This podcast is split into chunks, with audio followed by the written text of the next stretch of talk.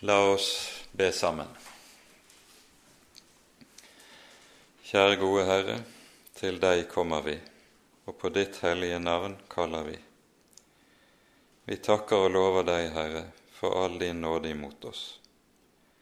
Takk, Herre, at du har tatt oss til dine barn, tatt oss til ditt folk, da du sendte din egen sønn og ga ham i vårt sted. Takk, Herre, at i Jesu navn skal vi få eie syndenes forlatelse og få lov til å ha barnekår hos deg. Så ber vi Hellige Herre at du vil være hos oss nå denne kvelden, at du vil sende din Hellige Ånd og åpenbare ordet ditt, for at vi kan kjenne deg rett. Fri oss, Herre, og frels oss fra vårt eget, og kom, Herre, du med det som ditt er. Amen.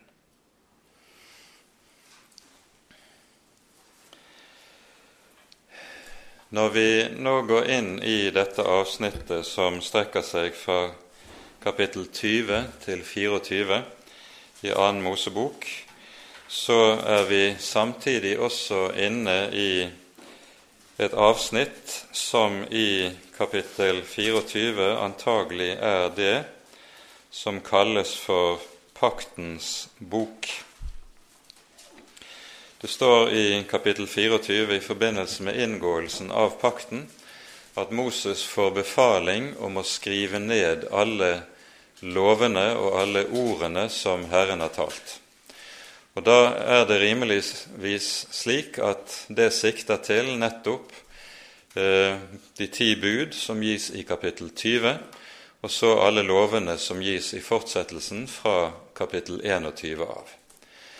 Og at det er dette da som kalles for paktsboken, og som Moses så leser høyt fra eh, forut for inngåelsen av pakten, og så sies det uttrykkelig da i eh, kapittel 24 når pakten inngås, at dette er den pakt som Herren inngår med dere på alle disse ord. Altså på grunnlag av disse ordene som er skrevet ned og lest for folket i dette avsnittet. I eh, kapittel 24 hører vi også det sies eh, i vers 3 følgende Så kom Moses og forkynte alle Herrens ord og alle lovene. Her brukes det to ulike uttrykk i grunnteksten. Når det står Herrens ord, så sikter det til de ti bud. Det vi kaller for de ti bud, det kalles i Bibelen for de ti ord. Det hører vi både i Andre Mosebok og i Femte Mosebok, så kalles de ti bud altså for de ti ord som eh, er nedskrevet. Mens det står det som er oversatt med alle lovene, det er et uttrykk eh, på hebraisk, mishpat, som kommer av det hebraiske ordet for å dømme alle domsutsagnene, eh, betyr det bokstavelig oversatt. Og disse, Dette som er oversatt med domsutsagnene eller rettsutsagn, det er betegnelsen på de lover som er samfunnslover i Israel.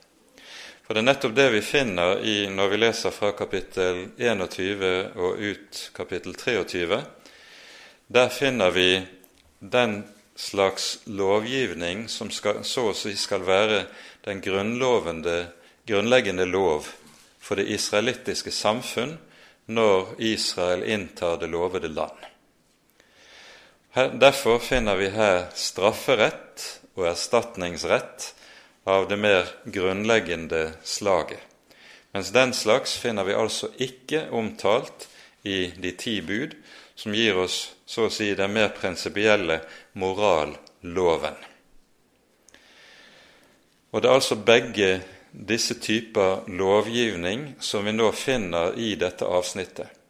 Vi finner altså den morallov som skal være uttrykk for det jødiske folks gudstro. Og for det andre finner vi den samfunnslovgivning som skal være grunnleggende for det, hvorledes det jødiske samfunn skal innrettes når de inntar det lovede land. Og Da er det altså slik at vi der hører om både strafferett og erstatningsrett, av det mer grunnleggende og enkle slag, men dog. Avsnittet som strekker seg fra kapittel 20 til 24, kan inndeles eh, som følger. Først er det sånn at vi fra vers 1 til 17 i kapittel 20 hører de ti bud, de ti ord. Dernest hører vi fra vers 18 til og med vers 21 om folkets reaksjon og Guds svar på folkets reaksjon. Og så fra vers 22 av i kapittel 20 begynner den lovgivning som har med hvorledes folket skal innrette seg i landet når det handler om konkrete forhold. Og Denne lovgivning dreier seg da både om hvorledes folkets gudsliv skal ordnes rent praktisk, samtidig som vi altså hører om grunnleggende ordninger når det gjelder det jødiske samfunn.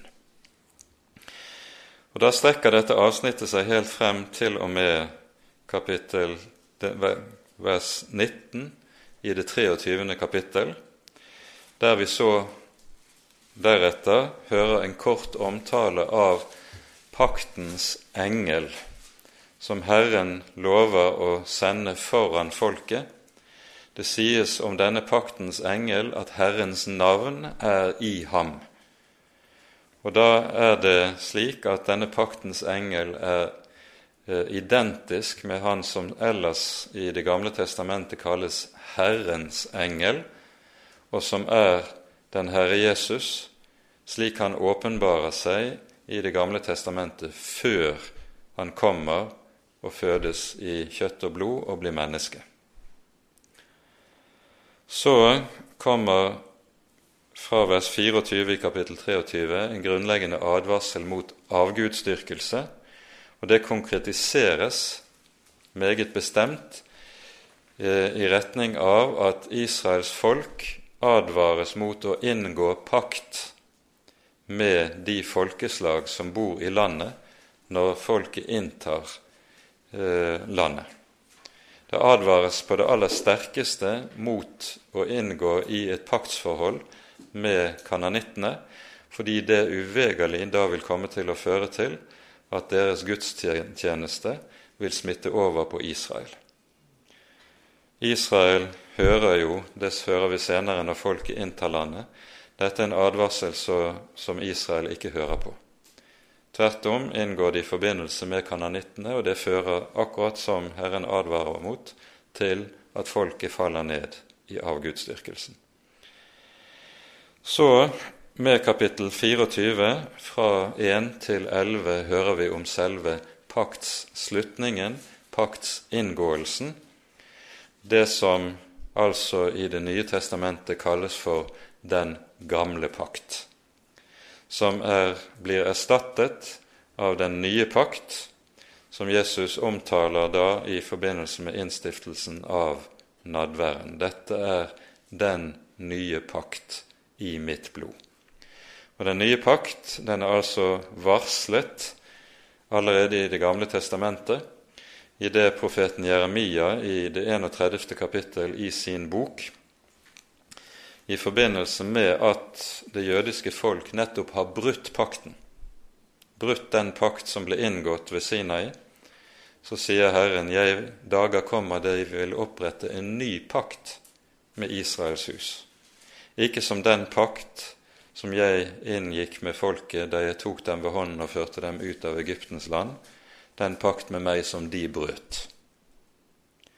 Men dette er den pakt jeg vil slutte med Israels folk, jeg vil skrive min lov i deres hjerter. For jeg vil forlate dem alle deres synder. Den, som, den nye pakt er grunnet på syndenes forlatelse. Det ligger enda langt frem. Den pakt som her inngås, det er altså det som senere får betegnelsen Den gamle pakt, og som blir grunnlaget for Israels folk, både når det gjelder dets religiøse liv og dets sosiale liv og dets liv som nasjon og som folk. Dette er så å si grunnloven for alt annet, som senere følger efter i Det gamle testamentet, og som eh, når det tales om forholdet mellom Herren og Israels folk, når profetene taler til folket senere i Det gamle testamentet, så er det grunnlaget for profetenes budskap ligger i det som her sies. Profetene taler alltid med bakgrunn i og på grunnlag av den lov som er gitt ved Sinai, og kaller folket til omvendelse på grunnlag av denne lov. Så dette som vi altså finner her, det er helt fundamentalt for å forstå både Israels liv og det videre bibelske budskap som følger i Det gamle testamentet. Forutsetningen for pakten, det er altså det som vi har vært inne på i kapittel 19, som vi leste fra vers 4 til 6 i kapittel 19. De grunnleggende ordene som uh, lyder etter at folket først har ankommet ved Sinai. Dere har selv sett hva jeg har gjort med egypterne, og hvordan jeg bar dere på ørnevinger og brakte dere til meg. Dersom dere nå virkelig vil høre min røst, holde min pakt, da skal dere være min eiendom fremfor alle folk, for hele jorden er min. Dere skal være et kongerike av prester for meg og et hellig folk. Dette er de ord du skal tale til Israels barn. Det første vi skal understreke når vi taler om dette, det er hva som ligger i begrepet pakt. Pakt det er en, binden, det er en juridisk bindende avtale mellom to parter. Og det hebraiske ordet for pakt det kommer da også av et verb som betyr å binde. Og Dette er i seg selv noe som er helt enestående i religionshistorien. Det at Israels Gud inngår pakt med sitt folk.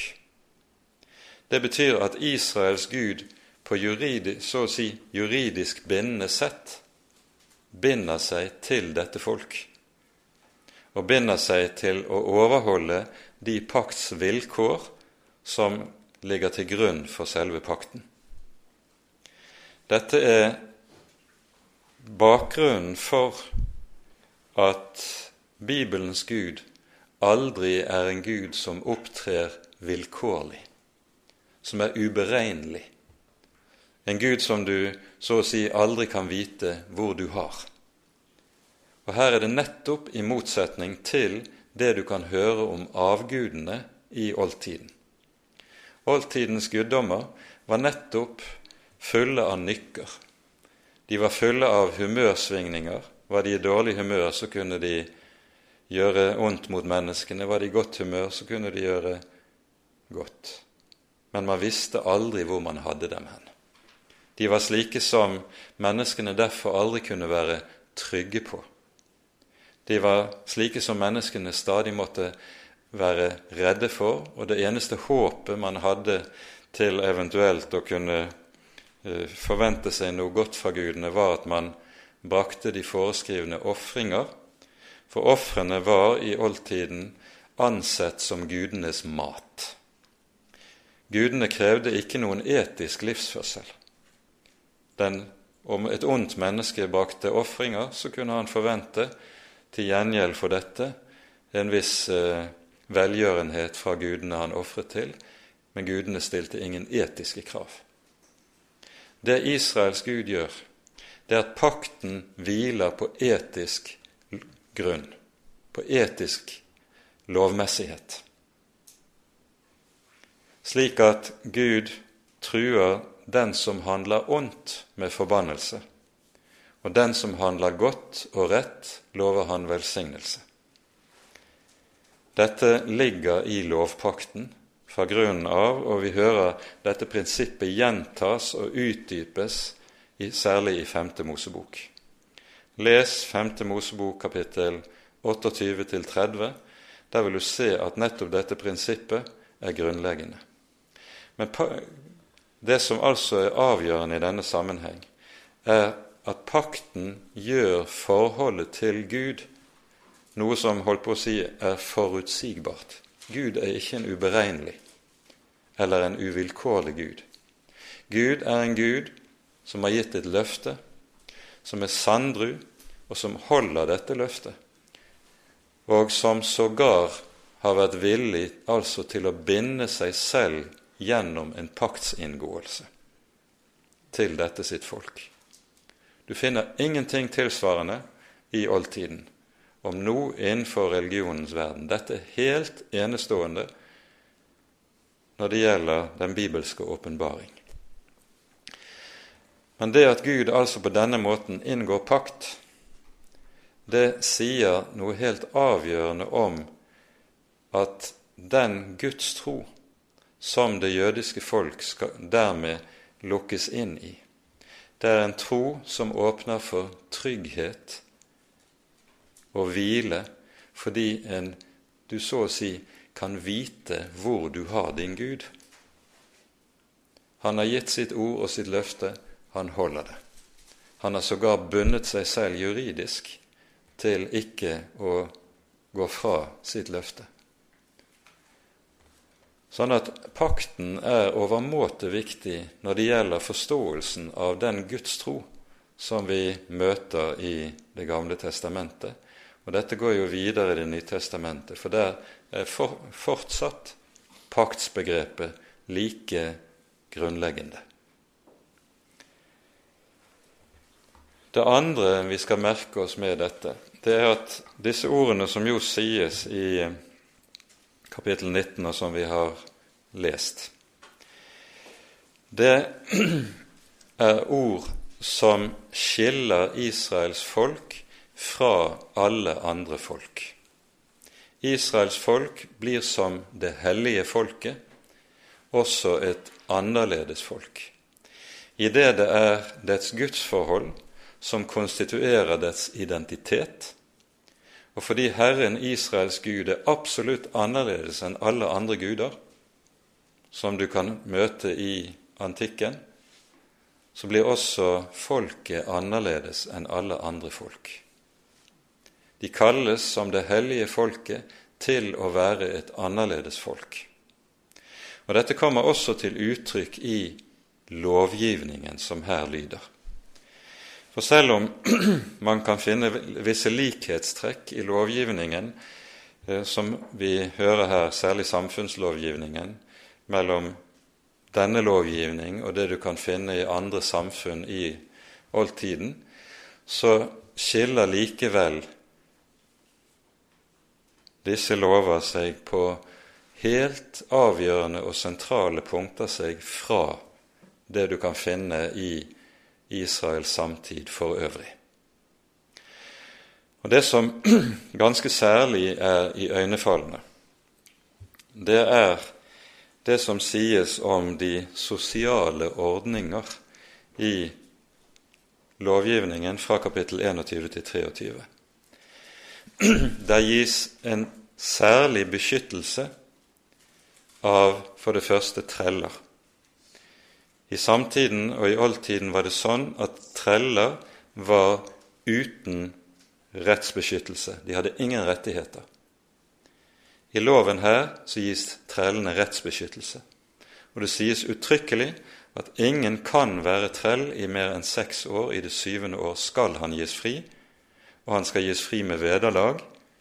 Han skal få tilstrekkelig til livets opphold når han gis fri.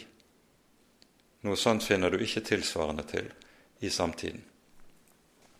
For det andre gis det lover til beskyttelse for de fattige. De fattige skal beskyttes fra de rikes begjær. De fattige skal dermed beskyttes mot undertrykkelse, vilkårlige overgrep fra de som har makt. For det tredje legges det til grunn særlig beskyttelse hos de aller svakeste i samfunnet, og i datiden var det enkene og de farløse.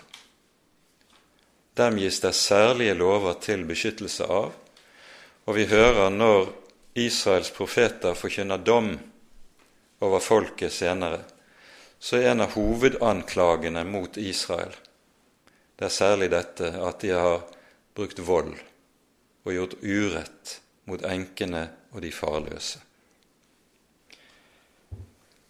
Og det siste av de som er svake, som skal beskyttes, det er de fremmede. Altså innvandrere som flytter inn i Israels folk. De skal også beskyttes og ikke utsettes for urett. Altså enhver form for usunn nasjonalisme som ser ned på de som er av en annen nasjonalitet, den utelukkes uttrykkelig. På denne måten så ser vi at lovgivningen her er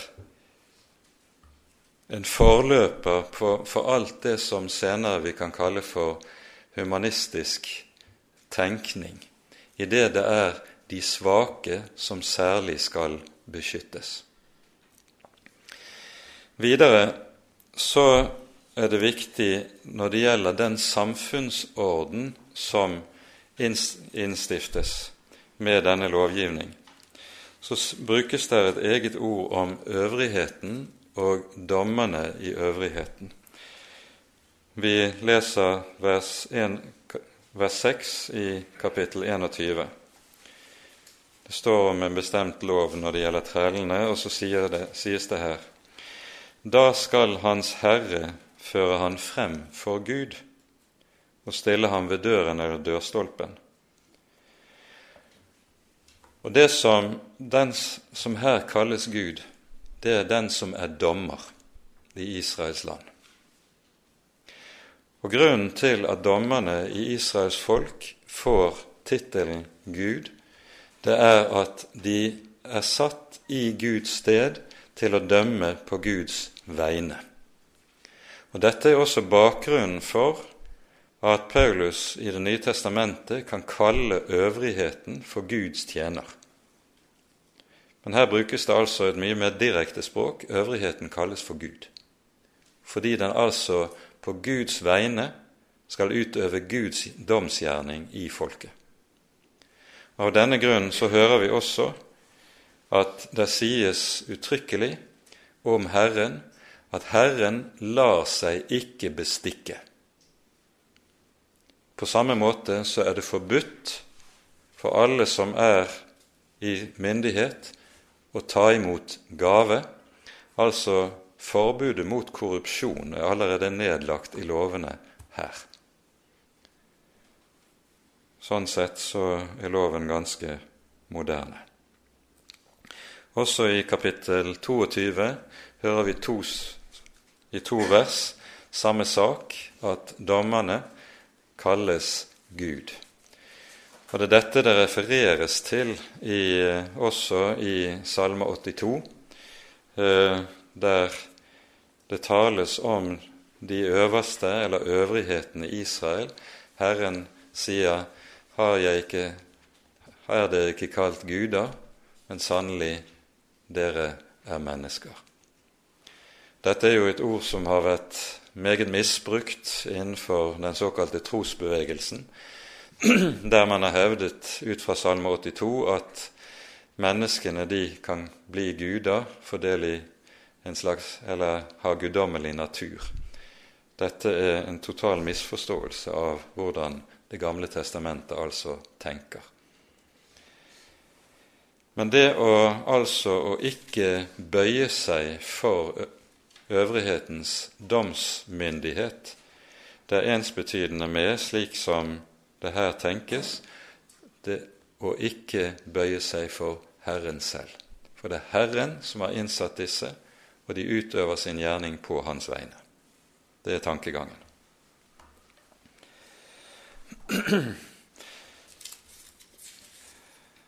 Vi kan naturlig nok ikke gå inn i alle disse ulike lover som vi finner i eh, disse avsnittene fra 21 til 23.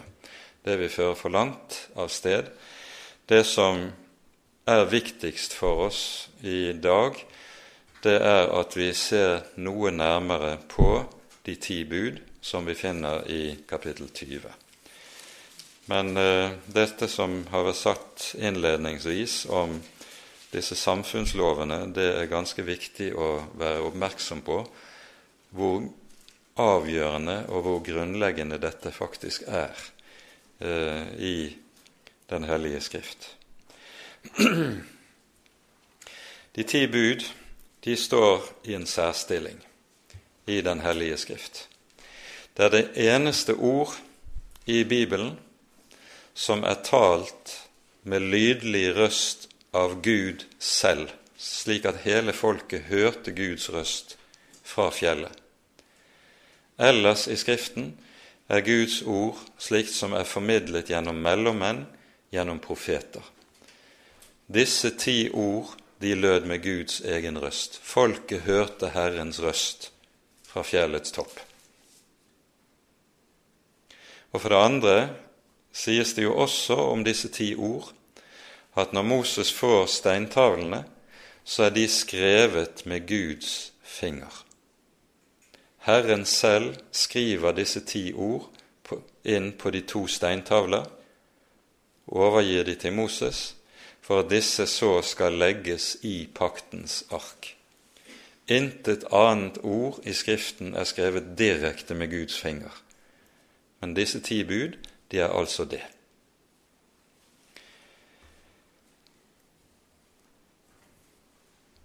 I tillegg kan det også sies at disse ti bud blir stående når Moses omtaler og repeterer hva som skjedde ved Sinai, slik vi hører om det i fjerde og femte kapittel i femte Mosebok, så sies det om disse bud at når folkeslagene hører om disse lover. Da skal de vitne og si hvor finnes det på jorden noe folk med så gode, så rettferdige lover? Dette er et vitnesbyrd om visdommen.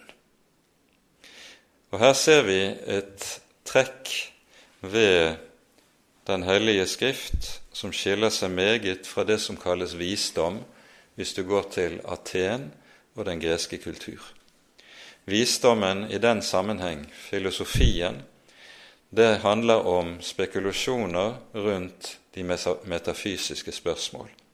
Evighet, Guds guddommelighet, verdens eh, tilstand og tilblivelse og sammensetning osv. Alle slike metafysiske spekulasjoner er fremmede for Bibelen.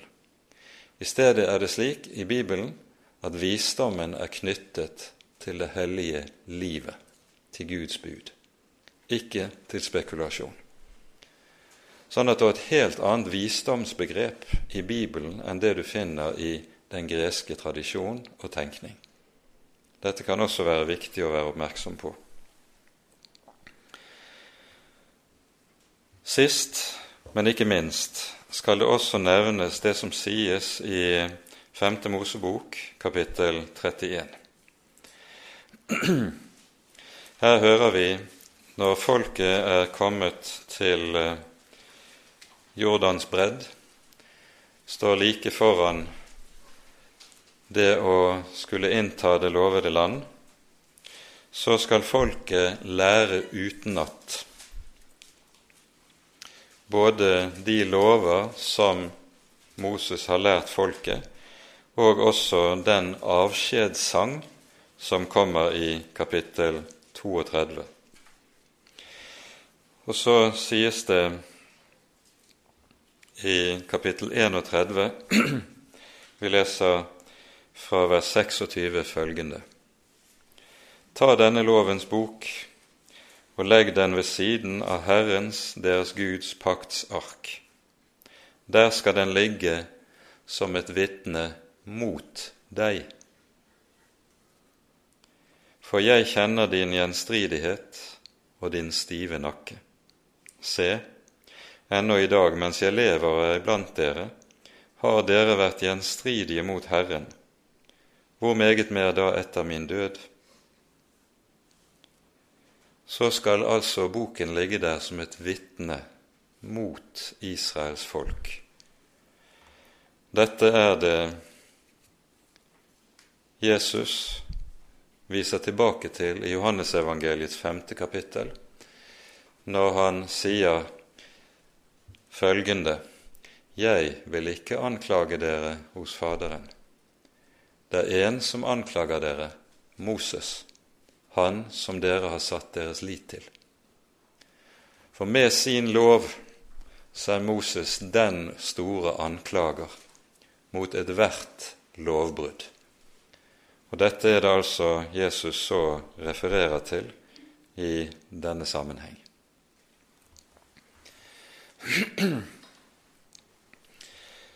Vi tar oss nå tid til å lese gjennom de ti bud, altså fra vers 1 til 17 i kapittel 20.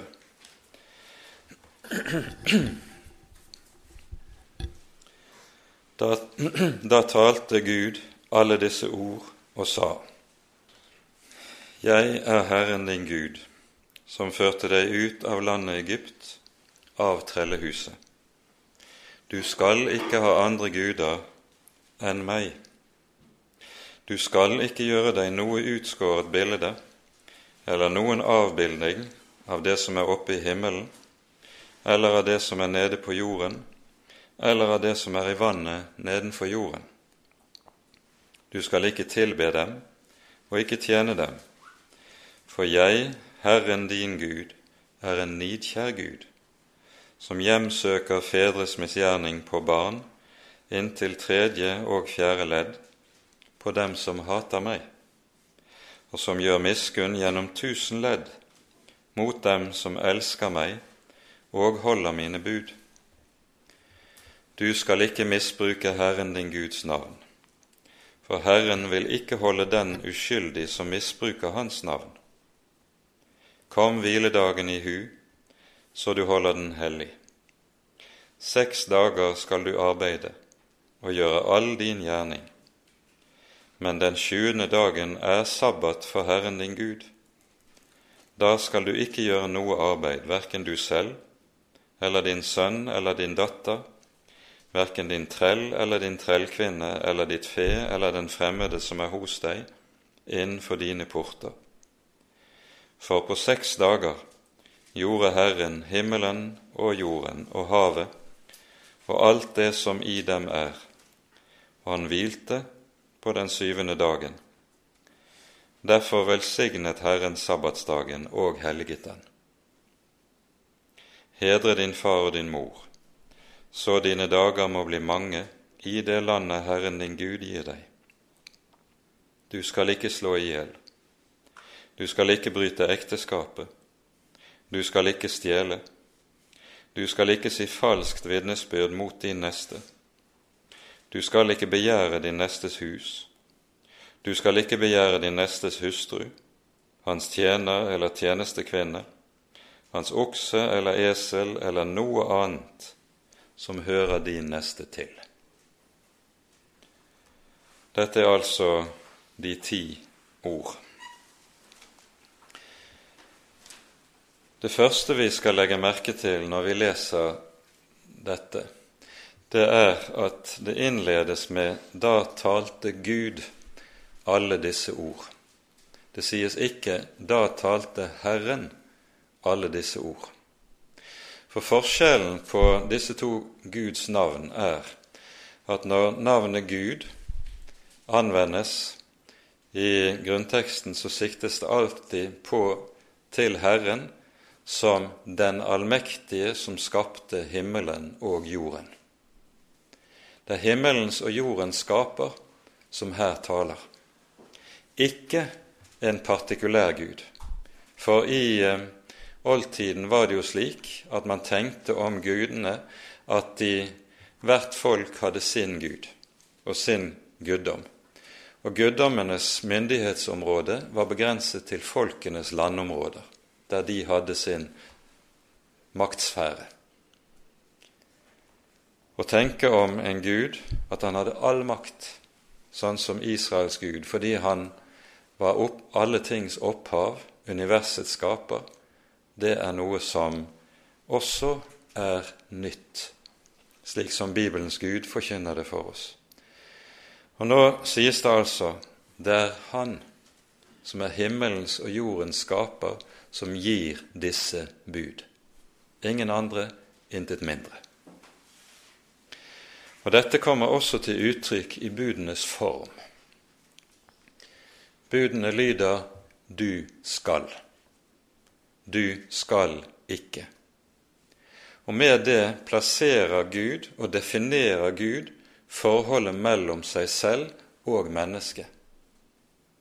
Gud er den som alene har rett til å si mennesket hva som er godt og ondt, rett og galt og mennesket er ikke i den stilling at det kan forhandle med Gud eller diskutere med Gud om den sak.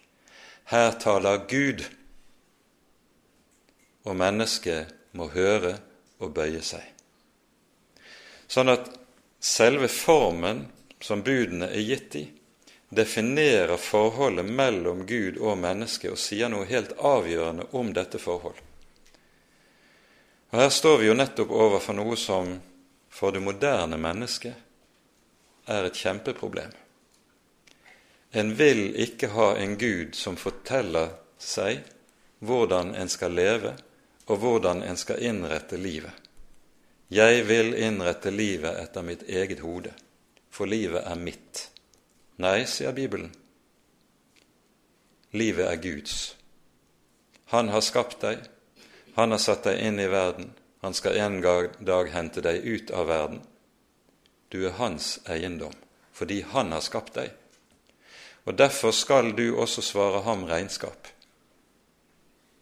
Det sier budene ved selve den form det er talt i.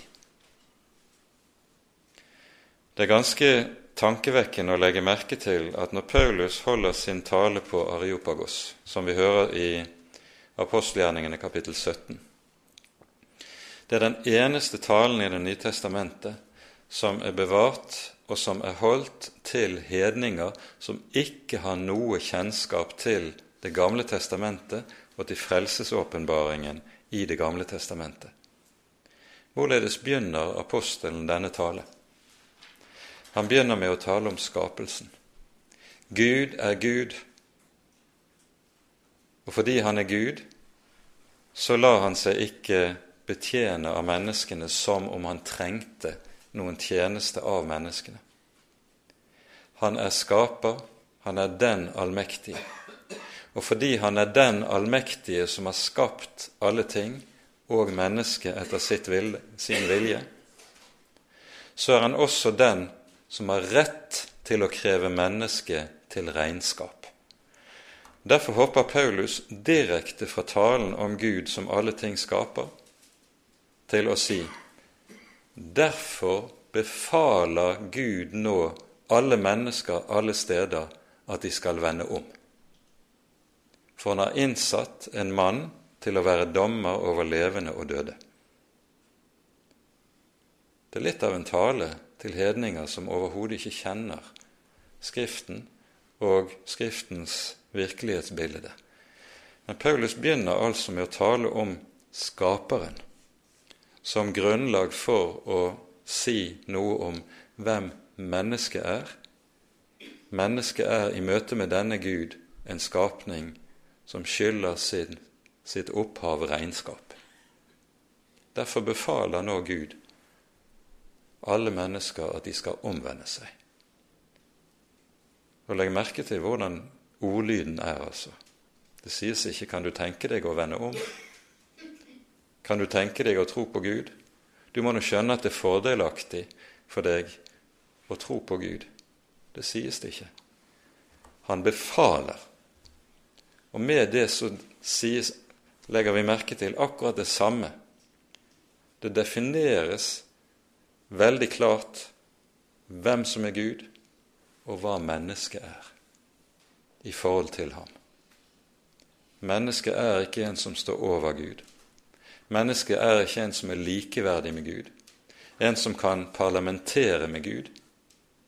Mennesket er støv. Mennesket er menneske som står under Guds tiltale, og som også står under den, det forunderlige at denne Gud, som er så veldig i sin allmakt, i sin hellighet og i sin herlighet, denne Gud ønsker fellesskap med disse mennesker. Det er jo det forunderlige. Det er det pakten dreier seg om. Men dit er vi ikke kommet ennå. Det neste vi skal legge merke til, er at mens vers 3 Du skal ikke ha andre guder enn meg, er det første bud i våre katekismer, så er det ikke slik i jødenes tradisjon. I jødisk tradisjon er det vers 2 som er det første. Jeg er Herren din Gud, som førte deg ut av landet Egypt, av trellehuset. Når første bud så kommer i vers 3, så har Gud sagt hvem han er. Hvem er denne Gud som sier 'du skal ikke ha andre guder enn meg'? Det er han som har befridd folket. Han som har vist sin nåde, sin kjærlighet, sin allmakt. Han som har vist at han er en som holder ord. For når han fører folket ut av Egypt, så sies det jo uttrykkelig at han gjør dette for å holde det ord han lovet deres fredere, Abraham, Isak og Jakob. Herren har i, i og med utgangen demonstrert hvem han er, så folket vet hvem det er som taler til dem og sier du skal ikke ha andre guder enn meg. Det er grunnleggende. Nå er det sånn at formuleringen av budene på, i Bibelens grunntekst det har en del nyanser med seg som er ganske tankevekkende, og som ikke kommer veldig godt frem i våre oversettelser. Hvis vi skulle oversette første bud i vers 3 ordrett, så det, ville det lyde som følger det skal ikke for deg være andre guder opp i mitt ansikt. Det er selve formuleringen. Det skal ikke for deg. Med det sies det noe ganske bestemt om at når Herren vil være Gud alene, så skal han være det for meg. Det er noe rent og dypt personlig som er angitt med dette. Det er ikke sånn allment at det skal ikke sånn for alle og enhver være sånn at man foretrekker én Gud. Nei, det skal ikke for deg være noe. Det skal ikke for deg finnes noen annen Gud. Og så står det 'opp i mitt ansikt'.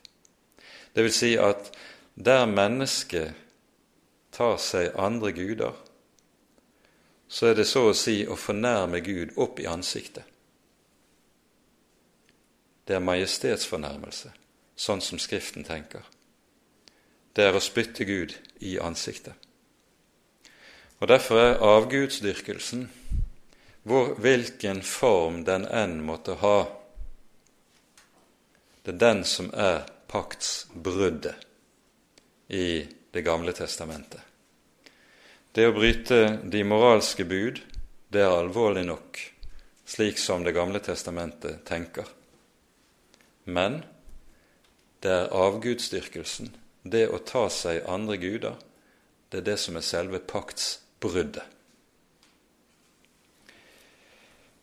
Når det er formulert sånn som vi hører i det første budet du skal ikke ha andre guder, så er dette også noe som er absolutt enestående i den bibelske samtid. For det som jo var situasjonen i oldtiden, like som det også var det i antikkens hedenskap på Jesu og apostlenes tid, var det at det var et hav av guder. Og der folkene kunne si 'Jeg har mine guder, du har dine guder'. Og vi kan jo være gode venner like fullt. Sånn er det ikke her. Israels Gud er Gud alene. Og han krever å eie menneskets hjerte alene og udelt. Og det å dyrke andre guder, hvorledes de enn måtte fortone seg, enten det er i form av bilder, sånn som vi hører det konkretiseres like nedenfor, eller det er en avgud som heter Mammon, og som Jesus omtaler i bergpreken, så det for så vidt har underordnet betydning. Det er andre guder.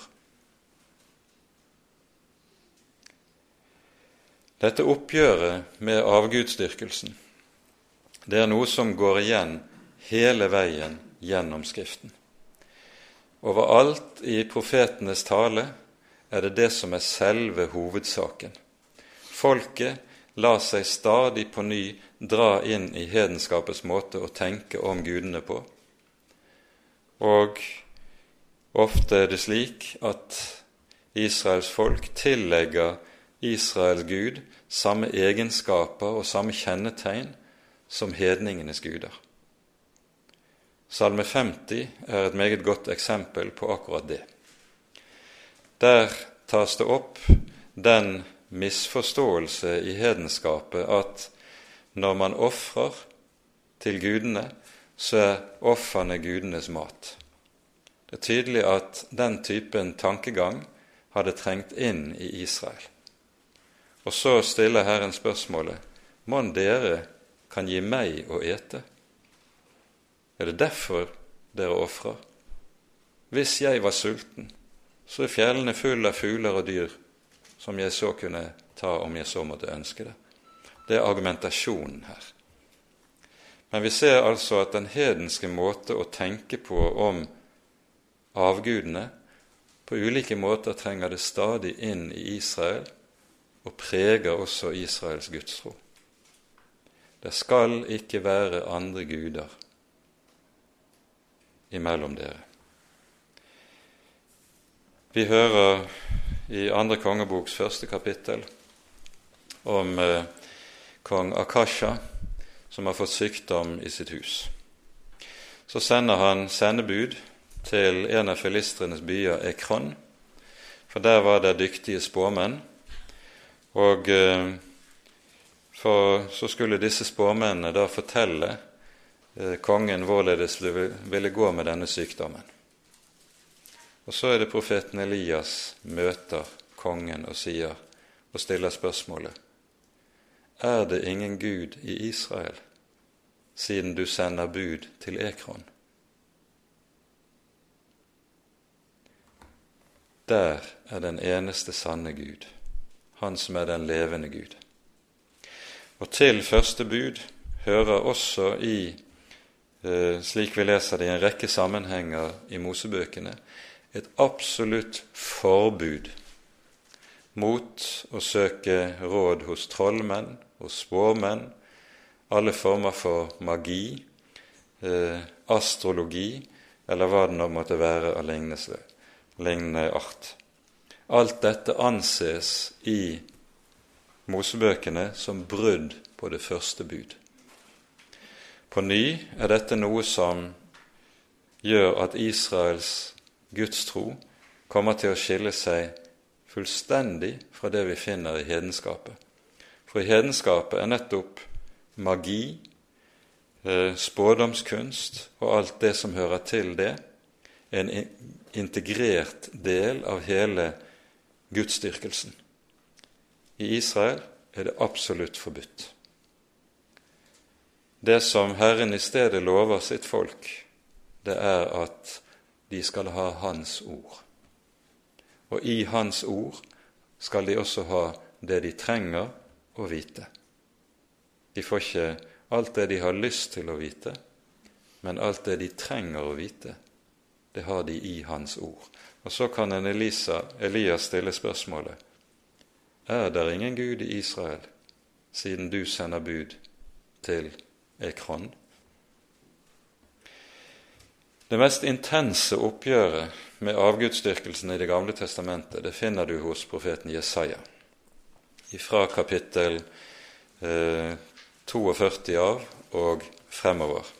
Og Vi rekker ikke å gå inn i eh, disse kapitlene, men ta dere tid ved anledning til å dukke ned i disse kapitlene, fra Jesaja 41-42 og ut til, kapittel, til og med kapittel 48. I kapittel 46 gjøres det narr av avgudene, også i kapittel 44. Der hører vi i kapittel 46 om hvorledes hedningene bærer sine avguder i prosesjon, i tog. De svære avgudsbilder som er tunge å bære. Og så blir nettopp dette et symbolsk uttrykk for hvorledes avgudene nettopp er noe som menneskene må bære. Mens det som kjennetegner Israels Gud, det er at han er den Gud som bærer sitt folk, og som derfor ikke er tung å bære. De blir båret av ham. Meget annet kunne vært sagt i denne anledning, men vi gjør også oppmerksom på at i 5. Mosebok er det slik at hele hovedavsnittet som går fra kapittel 4 og ut kapittel 13, handler så godt som utelukkende om første bud. Ulike former for konkretiseringer av det første bud. Så om det første bud enn er meget kortfattet, slik vi finner det i vers 3 her, så handler det å forstå rekkevidden av hva som ligger i det første bud, det tar lang tid før det riktig får synke inn i et menneskes hjerte og liv. Den mest grunnleggende konkretiseringen av første bud det finner vi i 5. Mosebok kapittel 6, der du har de versene som kalles Israels trosbekjennelse. Hør, Israel, Herren vår Gud, Herren er én, og du skal elske Herren din Gud av alt ditt hjerte og av all din sjel og av all din kraft. Disse ord som jeg byr deg i dag, skal du legge på ditt hjerte. Du skal tale om dem når du går på veien og når du sitter i ditt hus, når du legger deg og når du står opp. Du skal skrive dem som en minneseddel på din hånd og på din panne, og du skal skrive dem som på portene til ditt hus og til din by. Det er ord som så å si stadig skal være for øynene på folket. Og når det altså sies 'du skal elske', så er det som ligger i dette, at Herren Israels Gud, han vil eie sitt folks hjerte, intet mindre. Og det er det som ligger i det første bud. Han vil eie vårt hjerte. Og Derfor er det altså vi har denne formuleringen som vi gjorde oppmerksom på i grunnteksten. Det skal for deg, for ditt hjerte, ikke finnes noen annen Gud.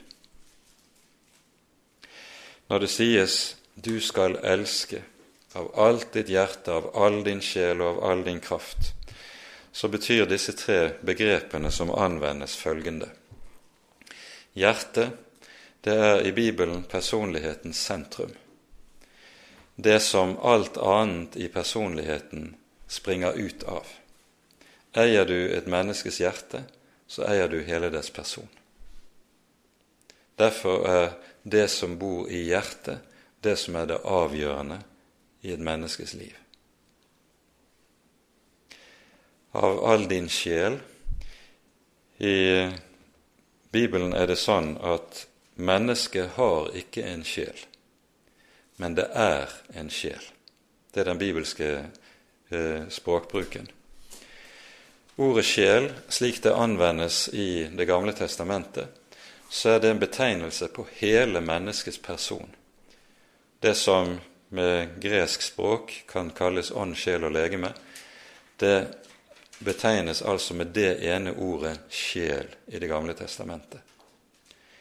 Når det sies du skal elske Herren av hele din sjel, da betyr det med hele deg, med alt hva du er, av hele din natur, av hele ditt vesen. Og når det sies 'av all din kraft', så sikter ordet kraft til alt det som jeg eier. Mine midler, min eiendom, alt hva jeg er, det er ikke mitt, det er Herrens. Og derfor er mennesket kun forva som forvalter å forstå i forhold til hva han eier. Det er dette som ligger i disse ordene slik de lyder for oss i grunnteksten. Og når Gud på denne måten krever menneskets hjerte, henger det sammen med noe grunnleggende i selve pakten. For ordet pakt, slik det anvendes i Bibelen, så anvendes det også om et annet grunnforhold, nemlig på forholdet mellom mann og hustru i ekteskapet. De to skal eie hverandres hjerte. Og Nå er poenget, slik en rekke hentydninger i disse kapitlene peker hen imot, det er at når Herren inngår pakt med sitt folk, så er denne pakt Herren inngår med folket, å ligne med en ekte pakt. Han er ektemann, folket er Herrens hustru, eller Herrens trolovede hustru. Det er uttrykk som også anvendes og disse uttrykkene dukker senere opp hos profetene. Se Jesaja kapittel 4, og ikke minst profeten Hoseas bok, de tre første kapitlene, der dette er så å si det som styrer hele tankegangen hos profetene. Herren inngår ekte pakt med dette folk. Du skal være min eiendom fremfor alle folk, sier han. Og det er jo slik brud og brudgom kan tale til hverandre. Du er min, og jeg er din. Og nettopp lignende språkbruk anvendes i eh, Mosebøkene når Herren taler om hvem Han vil være for sitt folk. Det er ikke tilfeldig at det lyder som vi hører det, Jeg er Herren din Gud din.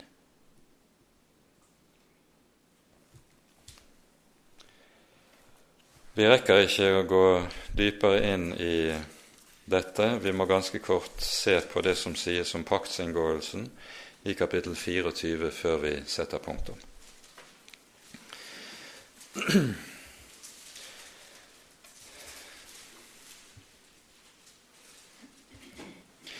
Til Moses sa Herren:" Stig opp til Herren, du og Aron, Nadab og Abihu, og 70 av Israels eldste, og dere skal tilbe på avstand.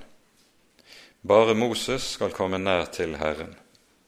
De andre skal ikke gå nær til, og folket skal ikke stige opp med ham. Så kom Moses og forkynte folket alle Herrens ord og alle lovene. Og hele folket svarte med én røst.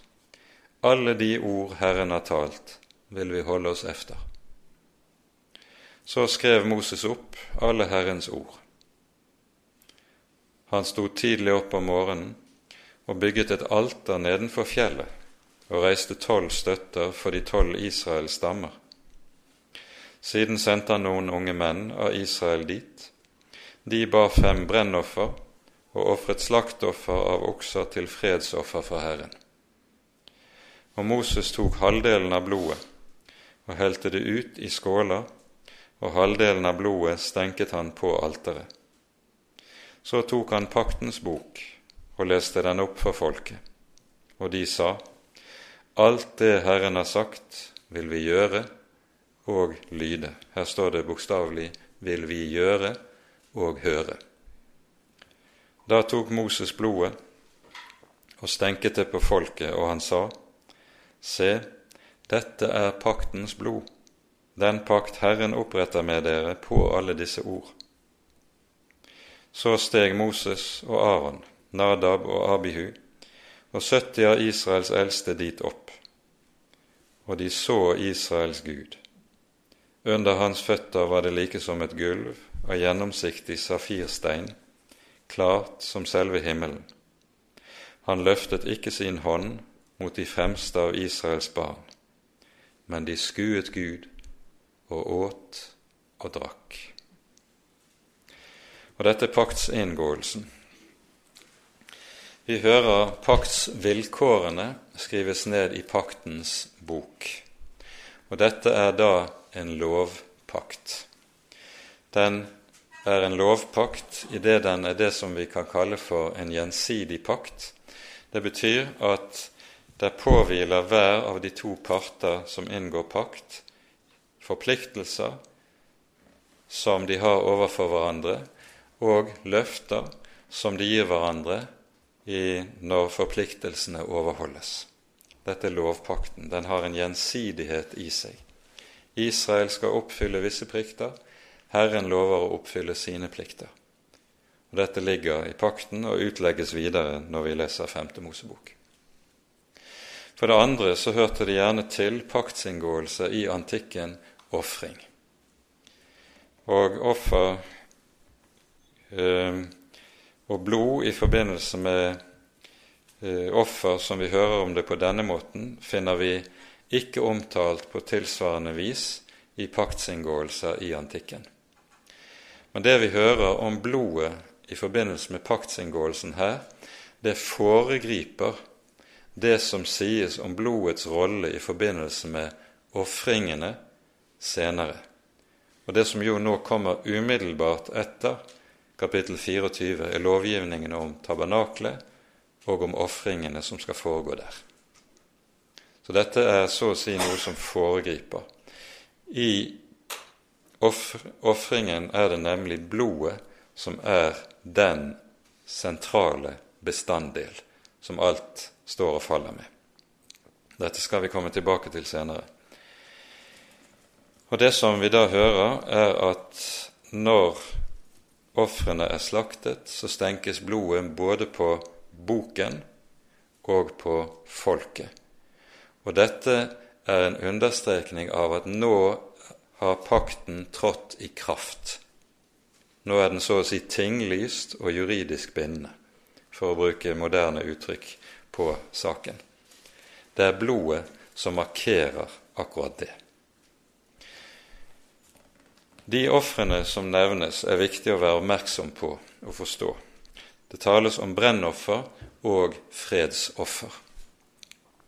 Brennoffer er et offer som er selve hovedofferet i offertjenesten i Det gamle testamentet. Brennofferet hadde det med seg at det skulle brennes når dyret var slaktet, skulle det i sin helhet brennes på alteret. Og Brennofferet har dobbelt, eller tredobbelt betydning. unnskyld. For det første har brennofferet en sonende betydning. For det andre så markerer brennofferet en innvielse til Herren. For det tredje har brennofferet i seg også takksigelse. Brennofferet det er så å si det offer som sammenfatter i én sum alle de andre slag, typer av offer som vi finner i lovgivningen. Og det sonende betydningen av brennofferet understrekes nettopp ved den rolle blodet spiller i sammenhengen her. Fredsofferet, det er et takkoffer. Det er takkofferet for at Herren har gjort, gitt folket denne gave at de skal få høre med i pakten hos Han. Og så hørte det også til i paktsinngåelser i antikken et offermåltid. Og Når vi hører at Israels eldste eter og drikker på fjellet, så er det offermåltidet, fredsofferet som har vært offert. Det er partert, kjøttet er tilberedt, og så etes det av Israels eldste på fjellet. Og Måltidsfellesskapet hadde den rolle i oldtiden at en utelukkende spiste eller hadde måltidsfellesskap med den som en ville stå i samfunn med.